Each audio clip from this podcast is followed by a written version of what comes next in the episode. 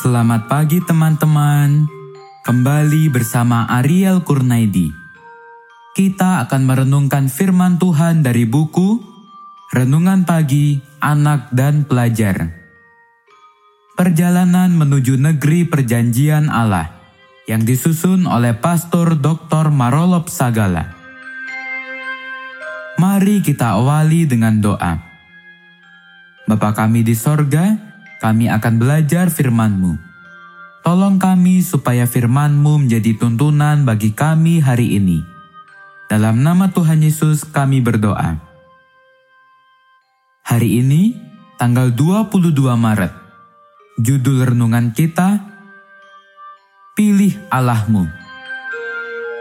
Ayat hafalan, Yosua pasal 24 ayat 15. Pilihlah pada hari ini kepada siapa kamu akan beribadah. Tetapi aku dan seisi rumahku, kami akan beribadah kepada Tuhan.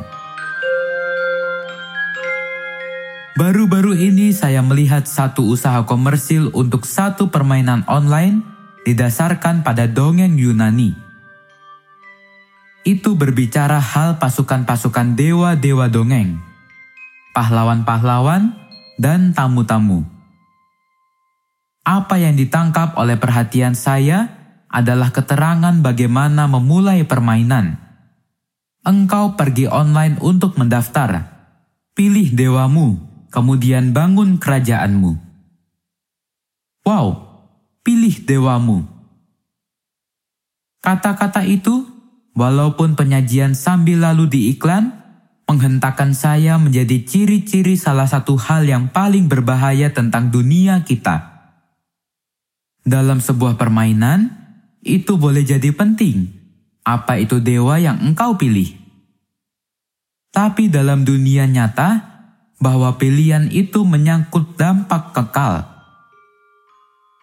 Pada generasi orang-orang Israel, dikelilingi oleh dewa-dewa pada zaman mereka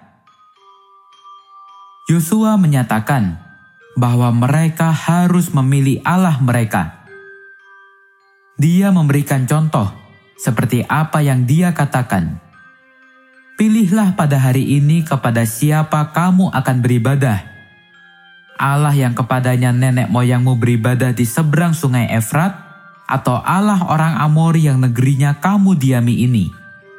Tetapi aku dan seisi rumahku kami akan beribadah kepada Tuhan. Hari ini, seperti di hari Yosua, ada banyak pilihan, tetapi ada hanya ada satu pilihan yang bijaksana, yaitu pilihan Allah yang benar. Yosua membuat pilihan yang benar. Kami akan melayani Tuhan. Pelayanan ini dipersembahkan oleh keluarga Pendeta Kurnaidi. Semoga menjadi berkat untuk kita semua.